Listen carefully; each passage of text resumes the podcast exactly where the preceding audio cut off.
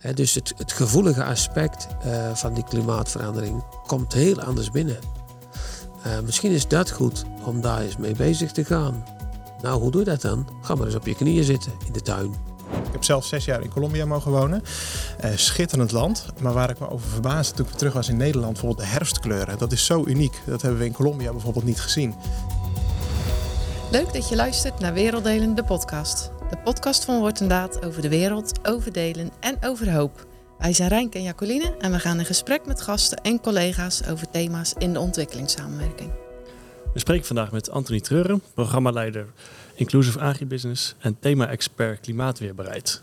Welkom Anthony. Dankjewel. En we spreken met Kees Verrips, ondernemer bij Imkerij de Werkbij. Een bijzonder bedrijf dat zowel sociaal als ecologisch een heel eigen koers vaart. Welkom Kees. Hey. Ik wil graag bij jou beginnen. Ehm, de liefde voor de natuur, hoe staat het daarmee in onze samenleving? Wat zie jij daarvan? Eh, Het meest belangrijke wat er is, hè? Eh, want uiteindelijk, eh, zonder liefde gaat er niks goed. En de liefde overwint alle problemen. Dus dat, dat is het eerste. Dat is terecht, denk ik, dat je dat als eerste aanreikt. Maar ik denk dat we toch moeten zeggen, of laten we ieder naar zichzelf kijken, hoeveel hebben we ervan? Eh, is het eh, onderin het hart aanwezig? Eh, speelt het mee in ons handelen? Of zijn we het dan kwijt en zeggen we ja, we beleiden de liefde, toch? Dat is heel belangrijk. Eh, hè, want ja, als we iets kennen van Gods liefde, dan kunnen we toch niet zeggen dat we de liefde niet hebben tot de naaste. Maar hoe kan het dan dat er zoveel kapot gaat? Eh, dat er zelfs met broeders en zusters, ik weet dat dat een beladen term is hè, om te gebruiken, maar laten we dat gewoon zeggen. Hè? Als iemand zegt ik ben een beleidend christen, want dan weten we tenminste eh, dat we ergens aanspraak op mogen maken en hem ergens op aan mogen spreken. Eh, geen pijn ervaren als er ja, geen eh zwaluwen meer zijn. Of geen leeuweriken meer vliegen. Ik vind dat dan jammer. Niet vanwege het feit dat je zegt, eh, ja, kun je ergens anders gaan bekijken. Maar gewoon de eenheid van alles wat ons gegeven is. in de schepping. Alle bouwsteentjes, alle schepsels als letters, hè, zoals de beleidenis dat zegt. Ja, dat boek dat moeten wij met heel veel liefde lezen. Om te ontdekken wat het verhaal is wat daarin staat. Dat is geen natuurwetenschap. Dat is gewoon luisteren naar Gods stem in de natuur. Ja.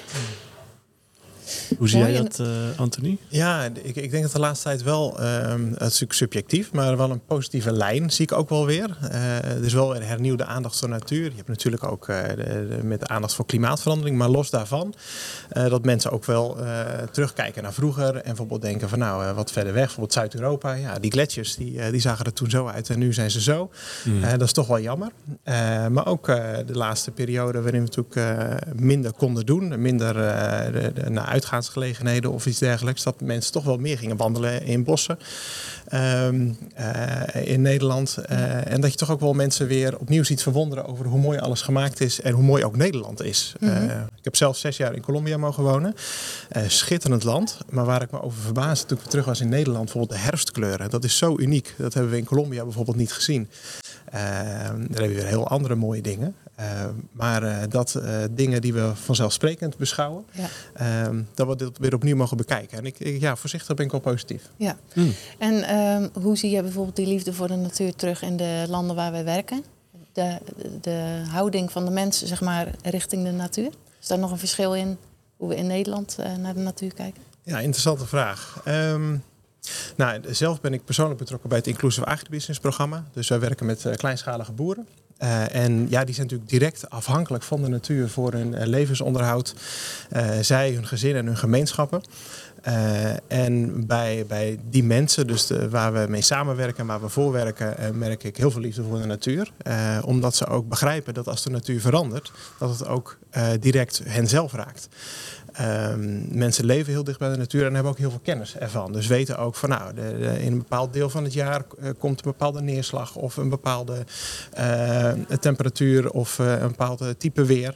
Um, en daar komen we zo waarschijnlijk nog wel over te spreken. Maar dat maakt het nu ook zo moeilijk omdat dat aan het veranderen is. Hmm. Ja. Hmm. Kees, Anthony zegt het van die verandering die raakt eigenlijk gelijk mijn werk. Jij zit ook vrij dicht op de natuur met je werk. Kun je daar iets over vertellen en of daar ook een verandering in te zien is? Ik heb lang gedacht, uh, elk jaar is anders en dat is natuurlijk ook zo. Hè? Uh, op het moment als de wind oost is, dan geeft een bloem geen nectar, want die heeft alle energie nodig om het vocht uit de grond te halen, om zelf in leven te blijven. Uh, dus dat betekent, wij hebben een zuiden- of een westenwind nodig. Mm -hmm. vaak ook wat vochtiger weer. waardoor de plant in staat is om die bloem nectar te geven. En dan komt dat bestuivingsproces op gang. En dan ontstaat er zaad en toekomst. Of voor de mensen, of voor de plant, of voor beide. Afgelopen uh, voorjaar hebben wij die bijen naar de fruit gebracht. En uh, nou, ze vlogen niet zo best uh, op de fruitbomen. Nou is dat voor de Nederlandse fruitsituatie niet zo'n ramp. Anders moeten ze het fruit er weer afspuiten. Hè? Dan wordt er te veel vrucht gezet. En ja, dan wordt het zwaar voor de bomen. Dus het is niet een directe effect op de voedselproductie in het fruit. Maar wij zagen dat wel met de hoeveelheid honing die in de kast overbleef. Mm. He, daar was nauwelijks uh, honing in de kast. Sprak ik aan een collega-imker. Ja, die zegt, maar dat is uh, bij mij ook. Uh, ja, logisch. De wind was bij hem ook noord. Mm. En in Frankrijk was de wind ook noord. Ja. En Italië is op het moment bezig om honing te importeren... terwijl het een exporterend honingland is. Mm. dus dan zie je op een gegeven moment... er is minder honingopbrengst. Maar dat heeft natuurlijk ook zijn weerslag op minder bestuiving. Ja. En minder bloemen en minder vrucht en minder zaad. Nou, waar halen wij dan ons eten vandaan? Wij denken natuurlijk hier, dat maken we dan toch? Mm -hmm. Ja, maar schrijf je die verandering toe aan klimaatverandering? Of is dit iets wat vaker uh, voorkomt? Nou, uh, er werd mij uh, gezegd, hè, en dan hou ik het eventjes op dat niveau, want wie ben ik om te zeggen hoe het 30 jaar geleden was en nu. Hè. Klimaat is een periode van zeker 30 jaar dat je een verandering op ziet treden. Ja. Uh, dat het te maken heeft met de gewijzigde golfstromen. Hè, waardoor dus ook dat, dat, verhaal van die orkanen en die tornado's en, uh, en dat soort dingen uh, meer effecten hebben. En dat daarom ook ja, de winden gaan, gaan draaien. Dus de gewijzigde golfstroom heeft effect op de windstroom? Ja. ja. En uiteindelijk dus op bijen, voedselproductie en dan raakt het ook ons. Precies. Ja. ja. Ik denk dat je daarin ook mooi ziet hoe alles in elkaar ingrijpt. Hè. Zo zijn soms misschien, uh, misschien ik zelf ook wel geneigd om dingen los te zien. Hè. Uh, bijen, uh, nou, in ons project hebben we bijvoorbeeld met, werken we met rijstboeren of met mais of met andere gewassen. Maar als je ziet dat alles met elkaar samenhangt ja. en alles op mm. elkaar invloed heeft. Dus als je ja. ergens in het, in het, nou goed, met een ingewikkeld woord in het ecosysteem een klein elementje verandert. Je draait een klein beetje aan een knopje. Ja. voor zover dat natuurlijk mogelijk is. dat alle andere elementen ook uit hun balans kunnen raken. Mm -hmm. en als die dan op zo'n disbalans komt dat het zeg maar over het randje gaat. Uh, ja, dat is denk ik wat we nu aan het zien zijn met, uh, met klimaatverandering. Ja. ja. En kan je wat voorbeelden schetsen van in de landen waar we werken, van, ja, van voorbeelden die Kees bijvoorbeeld noemt? Ja, zeker. Um, waar uh, heel veel kleinschalige boeren uh, natuurlijk logischerwijs uh, mee te maken hebben, is dat ze afhankelijk zijn van de regenval, van temperaturen voor hun gewassen. en um, wat je wereldwijd eigenlijk ziet, is dat droge gebieden worden bijvoorbeeld droger, warme gebieden worden warmer, natte gebieden worden natter. Um, maar ook, en dat is soms wat tegenstrijdig, wat wordt wel eens gezegd als we een hele koude winter hebben, van zie je wel, er is geen klimaatverandering. maar ook koude gebieden kunnen kouder worden. Uh, en het meer extremer worden van, van, nou, de, van het weer is, is denk ik een, een belangrijk voorbeeld. Um, maar ik denk verreweg het allermoeilijkste, want dit is natuurlijk al een uitdaging. Hè? Als een gebied warm is en het wordt nog warmer. Uh, ja. Dat is niet alleen oncomfortabel voor een boer, maar dat doet ook direct wat met, met de gewassen. -huh. um, maar vooral de onvoorspelbaarheid. Uh, dus waar het voorheen in een bepaalde maand regende, dan kon een boer als ondernemer investeren. Uh, en vaak is dat het beetje geld wat er in, in het gezin aanwezig is voor, uh, voor het gewas, om dat te laten groeien. en als dan de regen niet komt, terwijl je het wel eigenlijk zou moeten komen, dan ben je je investering kwijt. en dat is voor ons misschien een hap uit onze spaarrekening. Maar voor deze mensen is dat een verschil tussen misschien drie keer eten op een dag of één keer eten op een dag. Mm -hmm. um, dus dat, ik denk vooral de onvoorspelbaarheid dat dat... Um, is mijn inschatting de grootste impact heeft. Um, ja, en ja. misschien ook het gebrek aan middelen om zich aan te passen um, aan deze verandering? Of zie ik dat verkeerd? Ja, soms een gebrek aan middelen. Um, uh, binnen, binnen zeg maar, wat wij doen noemen we dat dan adaptatie. Dus werken aan klimaatweerbaarheid. Nou, dat klinkt heel duur, maar eigenlijk komt het erop neer dat je mensen kan voorbereiden met mensen. Dus we doen het niet voor ze, maar met ze. Van hé, hey, wat gaat er aankomen en hoe kan je je zo best mogelijk wapenen daartegen. Uh, en soms is, kan dat heel laagdrempelig zijn met een stukje kennis. Van hé, hey, uh, uh, weersvoorspellingen dat die, die sneller bij de boeren komen. Maar ook weten van hé, hey, als er meer water is, dan moet ik zo mijn land bewerken. En dan kan ik dat extra water wat er, wat er op het land komt, kan ik dat nou ja, zo managen. dus, dus er kan ook vaak een stukje kennis zijn. Mm. Um, maar um, ja, vooral ook met elkaar nadenken, wat gaat er komen? Ja is het, even, even, misschien mag ik even tussendoor, hè?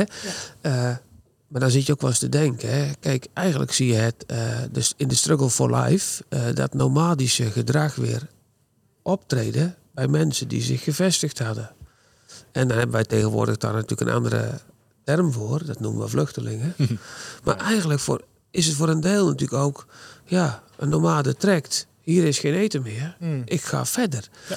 Uh, kijk, en als dat ontstaat door uitbuiting, uh, ja, dan zeggen we dat doen we verkeerd. Maar als dat ontstaat door gebrek uh, en tekort ja. vanwege ja. de, de voedselproductie en de opbrengst. Heel begrijpelijk. Ja. ja. Maar kan een nomade ook landbouw doen? Dat is misschien een gekke vraag. Maar je moet toch iets langer in een gebied zitten om, om een oogst ergens te genereren? Dus is dat verenigbaar? Ja, dat, nomade was natuurlijk vooral het, het, het, het, uh, het veeherder uh, ja. gebeuren. Hè? Maar goed, dan is het natuurlijk ook het, uh, het ontbreken van, van voedsel voor de dieren. Juist, ja. ja. ja precies. En wat je denkt daar ook mooi ziet en wat je omschrijft, is dat ook daar weer de samenhang. Uh, dus we zeggen wel eens, klimaat krijg je nooit alleen. Dus een verandering in klimaat betekent een verandering in het sociale leefpatroon van mensen, in de relaties van mensen, maar ook in, het, in de economie van mensen. Ja. Uh, dus betekent het bijvoorbeeld dat in een bepaald gebied eten schaars wordt? Nou, dat is logisch. Dat zou ik denk ik ook doen. Dan ga ik naar een andere plek toe. Ja. Ja. Maar vervolgens, daar zitten waarschijnlijk al mensen die, die nou, dat misschien helemaal niet zo prettig vinden. Nou, we kennen natuurlijk ook heel de migratiediscussie, maar dat geldt net zo goed lokaal. Um, maar bijvoorbeeld in Sub-Sahara-Afrika, waarin we, waar we ook werken, bijvoorbeeld Burkina Faso. Um, nou, wat je ziet is dat mensen van de ene plek naar de andere plek uh, verhuizen. Uh, dat daardoor ook conflicten kunnen ontstaan, omdat uh, grondstoffen schaarser worden. en dat is een patroon, denk ik, wat je wereldwijd ziet, is dat mensen nou ja, verkassen naar een andere plek, conflicten kunnen ontstaan. en als je naar de individuele gevallen kijkt, kun je vaak wel zeggen van ja, als ik honger heb, dan zou ik waarschijnlijk ook met mijn gezin naar een andere plek toe gaan. Ja. Dus, dus, het werkt migratie en conflict in de hand eigenlijk? Onder andere, ik noem er nu twee, maar uh, de economisch natuurlijk heeft het ook invloed op de stabiliteit van een economie. Uh, uh, maar ook zoiets wat we in Nederland vrij goed geregeld hebben, is bijvoorbeeld eh, de grondrechten. Hè? Dat, dat je als je een stukje grond hebt, dat je, heb je een keurig papiertje van. Ja, een kadaster. Eh, maar in heel veel landen is, is dat helemaal niet zo goed geregeld. Dus iemand gaat naar een andere plek en dan kan er ook een situatie ontstaan waarin er misschien oneenigheid ontstaat of onduidelijkheid ontstaat van wie mag nu waarop ehm, welk stukje land gebruiken. Mm. Ja. Ik heb ook even een uh, internationale collega van ons gevraagd, van een partnerorganisatie. Koenson uit Sri Lanka. Die reflecteert op wat uh, klimaatverandering in hun context betekent. We gaan even luisteren en dan uh, kunnen we daar even over doorpraten. The effects of climate change can be seen mainly in the rainfall distribution and in the sea level rise. Also, the tidal activities have ramped up That is, the difference between the low tide and the high tide has increased in the recent years. Also, the rainfall was even distribution throughout the year, which is now changing due to climate change and is short bursts of rain nowadays. How does it affect the people? In the agricultural sector, it causes inundations and floodings and destroys the crops So the seasonal crops are now off season, or in other words, the harvest due to season is postponed or completely destroyed due to the heavy rains. In the fisheries industry, it has caused the loss of coastal areas, and the sea level rise has contributed to quick floods into the coastal villages which have fled land. What can be done is an estimate or forecast of what is going to happen in the next five years' time. Say, for example, if we can estimate the disaster or the change that will happen in 2025, we should prepare now to face 2025. To face and mitigate the problems in 2021 or 2022 due to the climate change is already too late. We should prepare into the future. Dat was Koenson uit Sri Lanka. Ik zal het nog even kort samenvatten. Hij sprak Engels. Ehm, hij zegt, we zien eigenlijk hevige regenval. De getijden zijn veranderd. Die, gaan, eh, die hebben een groot verschil. Eh, er worden gewassen verwoest door droogte en door te veel regen. En wat we zouden kunnen doen, is eh, ons voorbereiden als we een bepaalde voorspelling kunnen maken op de langere termijn. Dus voor volgend jaar zijn we misschien wel te laat. Maar misschien kunnen we ons voorbereiden op 2025, 2030, zodat we ons kunnen aanpassen aan wat er gaat gebeuren. Um, Kees, eens reflecteren op wat uh, Koenson zegt en of we zoiets ook in Nederland zien en nou, gewoon jouw visie daarop? Ja, aanpassen, ja. Dat is uh, een broodnodige uh, stap die je moet zetten. Maar de vraag is inderdaad, wat voor soort aanpassingen zijn echt toekomstbestendig? En dan moet ik denken aan uh, wat wij in Nederland gedaan hebben op het gebied van aanpassing in de agrarische sector. En waar we een heel deftig woord aan gehangen hebben. En dat noemen we veredeling. Kun je dat uitleggen? Je kan gewassen gaan telen op een gegeven moment die bijvoorbeeld een korter groeiseizoen nodig hebben. Waarbij je dus tussen de regenperiodes een plekje zou hebben. In plaats van dat je zegt, ik heb gezaaid. Ja, en voordat de oogst rijp is, wordt het alweer weggespoeld door de volgende regenperiode. Alleen, wij zijn inmiddels bekend in Nederland met de effecten daarvan, van Mhm. veredeling. Mhm. Eh, daar zitten absoluut eh, negatieve kanten aan. Oh. Waarbij de eh, productievolumes vaak omhoog gaan. Eventueel ziektegevoeligheid toeneemt. eh, de stuivingskwaliteit achteruit loopt.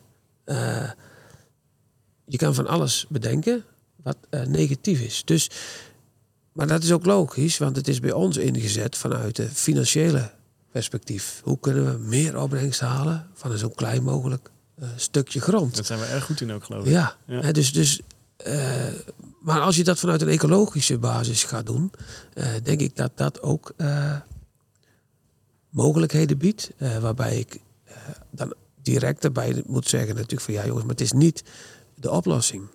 Hè, het is inderdaad een vorm van aanpassing waarmee je verder kan, kan komen. Maar de basis blijft een hele spannende en een hele uitdagende. waarbij we allemaal alert moeten zijn van jongens, eh, welk hapje van de taart is voor ons en welk hapje van de taart is voor een ander. Mm. Ja. En ik heb ook wel eens eh, gelezen dat, er, dat ze bijvoorbeeld strokenteelt sinds kort doen. Dus eh, diverse stro- stroken met diverse gewassen erop. Is dat ook uit het oogpunt van eh, klimaatverandering of aanpassing? Of is dat weer een andere? Ja, strokenteelt heeft natuurlijk een, een grote rol in het hele biodiversiteitsverhaal. Ja. Eh, dat moet je er niet los van zien. Maar dat, door onze monocultuur eh, is dat natuurlijk heel sterk eh, achteruit gegaan. Ja. Die fout moeten we dus niet maken eh, in andere landen. Maar echt ja, de combinatielandbouw, zowel op het gebied van veeteelt, akkerbouw, ja, volledig combineren. zodat ook de grond weer zijn voeding krijgt, ook van de dierlijke mest. Die van enorm belang is om het bodemleven op gang te houden. Ja. Ja. Ja. en dat is denk ik ook een strategie die we bijvoorbeeld eh, eh, in ons programma toepassen bij de, de boeren, zeg maar, in, bijvoorbeeld in Afrika of in, eh, in, eh, in Azië en ook in Latijns-Amerika, is dat je door diversiteit eh, ook een stukje diversificatie en risico naar beneden brengt voor de boeren. Dus mocht er één gewas eh, minder goed doen op een bepaald jaar, dat er altijd nog een, een, een escape is, om zo maar te zeggen, bij een ander gewas. En door eh, zaken bij elkaar te plaatsen, wat je ook aangeeft. De biodiversiteit zorgt er ook voor dat de, de rijkdom in de bodem eh, omhoog gaat. Waardoor op termijn ook uh, nou, de kwaliteit en, en de volumes ja, ook, ook beter zijn. Wat voor combinatie worden er dan gemaakt? Ik heb wel eens gehoord van bomen waar dan weer koffie onder groeit en lopen ja. er ook nog wat kippen rond. Ja, dat is denk ik een, een goed voorbeeld. schaduwbeplanting met bijvoorbeeld koffie inderdaad. waarbij de koffie niet de directe felle zonlicht krijgt. En de schaduwbeplanting zorgt ervoor dat, dat er nou, bijvoorbeeld bananenplanten worden wel eens gebruikt als, als schaduwplanten. en zo zijn er verschillende combinaties te bedenken. Hm. Um, ja, zodat ook de verschillende gewassen elkaar ook weer versterken, om zo maar te zeggen. Ja. ja. En biedt die zaadveredeling dan nog kansen voor uh, de boeren ver weg? Of gebruiken we dat eigenlijk niet? Ja, het is, uh, zonder dat ik exact weet of het toegepast wordt, is het wel zo dat uh, zaadveredelingsbedrijven zijn natuurlijk Nederlandse ondernemingen. De echte, die, die, zijn hier van oorsprong gevestigd, inmiddels vaak in andere, andere handen gekomen. Maar die maken gebruik van het systeem om op verschillende plekken op de wereld te telen, zodat ze een aantal cycli kunnen doen. Dus er wordt heel veel geteeld in Afrikaanse landen, omdat daar uh, ja, de winterteelt uh, hier niet mogelijk is, maar daar wel. Hmm. Uh, maar goed, het doel daarvan is niet, voor zover mij bekend, om in voedselvoorziening in Afrika te zorgen. Alhoewel ze daar zeker, als je het zou vragen, hmm informatie over kunnen geven. Ja. ja. Um, Koenson heeft het ook over de getijden, de wisselingen daarvan. Uh, wel, welke effecten heeft dat? Of kan je daar iets over vertellen? Um, nou, sowieso wat Koenson natuurlijk ook omschrijft, is dat uh, coastal areas, dus kustgebieden, ook uh, beschadigen. Dus je hebt ook gewoon de, de, biodiversiteit die daar afneemt. Um, wat hij hier niet specifiek omschrijft, maar wat ik ook wel eens van, van onze partner in Sri Lanka gehoord heb, is dat omdat de, de wind anders is in een bepaald jaar, dat ook het hoofdseizoen waarop de vissers het meeste vangen, ineens niet meer het hoofdseizoen is. Dus ik geloof dat het mei of juni was dit jaar uh, dat de wind dusdanig stond dat ze niet goed konden vissen. Je moet denken aan kleine bootjes. Um, waardoor ze dus in het hoofdseizoen eigenlijk hun grootste vangst wilden doen. En daardoor dat niet voor elkaar kregen. En daardoor nou, echt substantieel minder uh, vangen. En dat okay. uh, wordt meteen in de portemonnee gevoeld. Dat is een beetje de gemene delen volgens mij, hè? waar je ook zit. Het wordt gewoon onvoorspelbaarder. Ja. ja. Dat zien we natuurlijk in Nederland ook wel. Uh, hoe je moet oppassen om dat gelijk helemaal in dat kader te zien. Maar bijvoorbeeld een overstroming in Limburg, wat gewoon komt door hevige regenval. Dat zijn denk ik wel veranderingen die we meer gaan zien. Ja. ja. Ja, de, eh, eh, dus extremer weer. Dus uh, in plaats van dat regen over een, over een, langere periode valt in één keer. Uh, en vaak zijn onze systemen daar niet op voorbereid. Dat hebben we in Limburg gezien. Uh, maar datzelfde geldt voor, uh, voor landen in Afrika en Azië. Ja. ja. ja. Um, Antoni, waarom is um, klimaatverandering een belangrijk thema voor Hortendaad? Uh, klimaatverandering is een belangrijk thema, omdat ongeacht het programma waarin we werken, we hebben natuurlijk nu ook vooral gehad over het, ons inclusive agribusiness programma, maar het geldt hetzelfde voor onderwijs, voor uh, Jobbooster uh, en voor duurzaam water, is dat klimaatverandering onze doelgroep altijd raakt. Uh, en dat kan uh, zijn dat bijvoorbeeld uh, de kinderen die naar school gaan, dat het veel warmer wordt en zich moeilijker kunnen concentreren. Mm -hmm, yeah. Dat heeft te maken met dat voor het creëren van banen de trek naar de stad groter wordt. En dat mensen ineens van ja, wat voor werk moet ik nu ehm, gaan vinden. Ja, en natuurlijk op het land, zowel voor duurzaam water als inclusive agribusiness. door de onvoorspelbaarheid raken mensen hun, hun, hun inkomen voor een deel of geheel kwijt. Ehm, dus waarom werken we aan klimaatweerbaarheid? Door ze ehm, met ze na te denken en te helpen van hoe kunnen ze tegen een stootje als het om klimaatverandering gaat. Dat we ze ook direct helpen in uh, een stuk armoedebestrijding.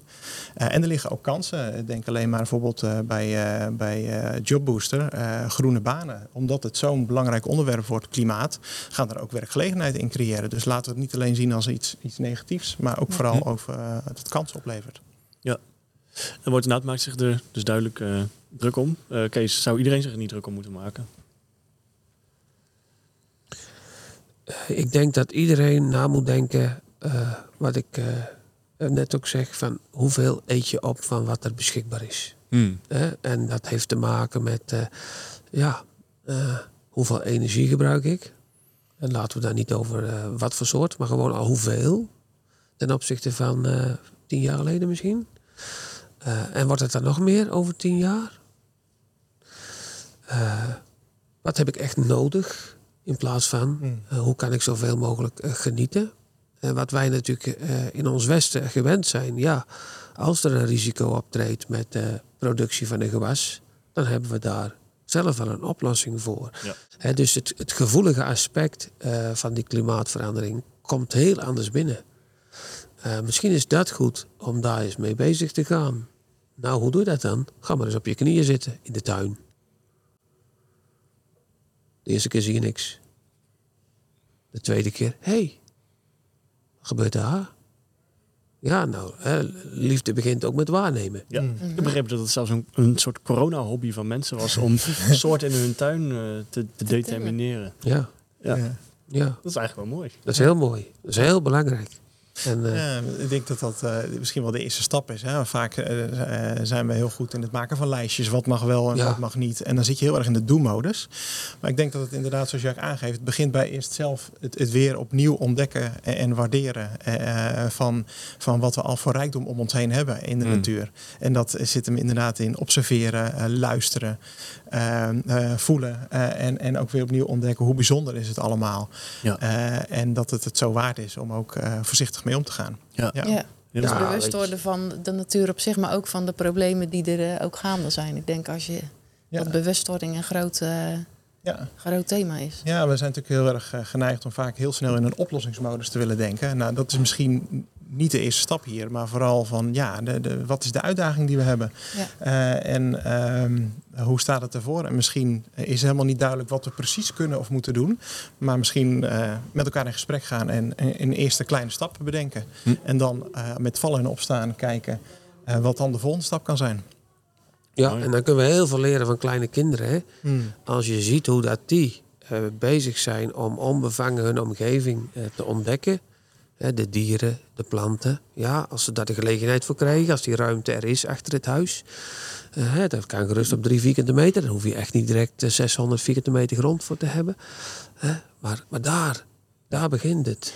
En eh, ja, heel veel problemen, denk ik, is eh, een stukje eh, pedagogiek. Vertel het verhaal. Mm. Laat het zien. Ja. Zorg Ja. dat mensen in hun hart eh, de warmte en, eh, en de liefde gaan ervaren. Ik heb het in het algemeen kinderen en de jongere generaties ook wel heel- echt, die zijn echt wel heel erg begaan met Ja. eh, wat er gaande is in de natuur. Ja. Ja, en in die zin zijn ze ook degene die eh, ook eh, veel langer op deze aarde zullen zijn dan de oudere generaties. Ehm, Ja. Ja. eh, dus in die zin, eh, als we het bijvoorbeeld hebben over, nou, over 60 jaar ziet het er zo uit. Nou, er zijn een heel aantal mensen die dat uh, menselijkerwijs misschien niet meer zullen meemaken. Uh, maar er zijn ook heel veel mensen die nog wel weten dat ze dat mee gaan maken. En dan al die scenario's die ze voor zich zien en die ook wetenschappers voorspiegelen, dat ze Mhm. denken van ja, maar dat is wel onze toekomst. Ja. Ja. Of in ieder geval mogelijk onze toekomst. Ja. ja, en daardoor ook bereid zijn om, eh, om daar stappen in te ondernemen. Ja, en ook terecht eh, de, de oudere generaties ook wel oproepen van ehm, eh, bekijk het grotere Ja. plaatje. Ja, Ja. precies. We gaan het eh, afronden ongeveer. Hebben jullie nog een uitsmijter? Iets wat je wil meegeven aan onze luisteraars? We hebben er natuurlijk al heel veel meegegeven. eh, maar misschien, eh, dat is zomaar een gedachte die mij, bij mij opkomt. Hè. Eh, laten we bij niets denken dat het ons bezit is. Want als we dat gaan denken, wat heeft een ander er dan over te zeggen? Hmm. Op het moment als we met de dingen bezig zijn, en we mogen ervan eten, van genieten eh, en ook van nalaten.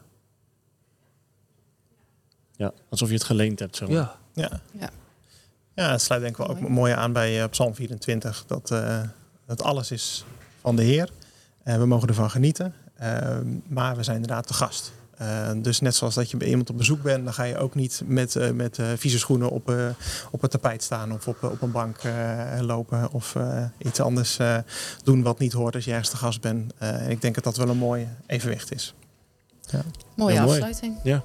Bedankt voor dit gesprek. Ja, leuk om eh, te doen. Mooi dat je luisterde naar deze podcast. Heb je nog vragen of suggesties? Stuur dan een mail naar podcast.woordendaad.nl. Over twee weken zijn wij weer met een nieuwe aflevering.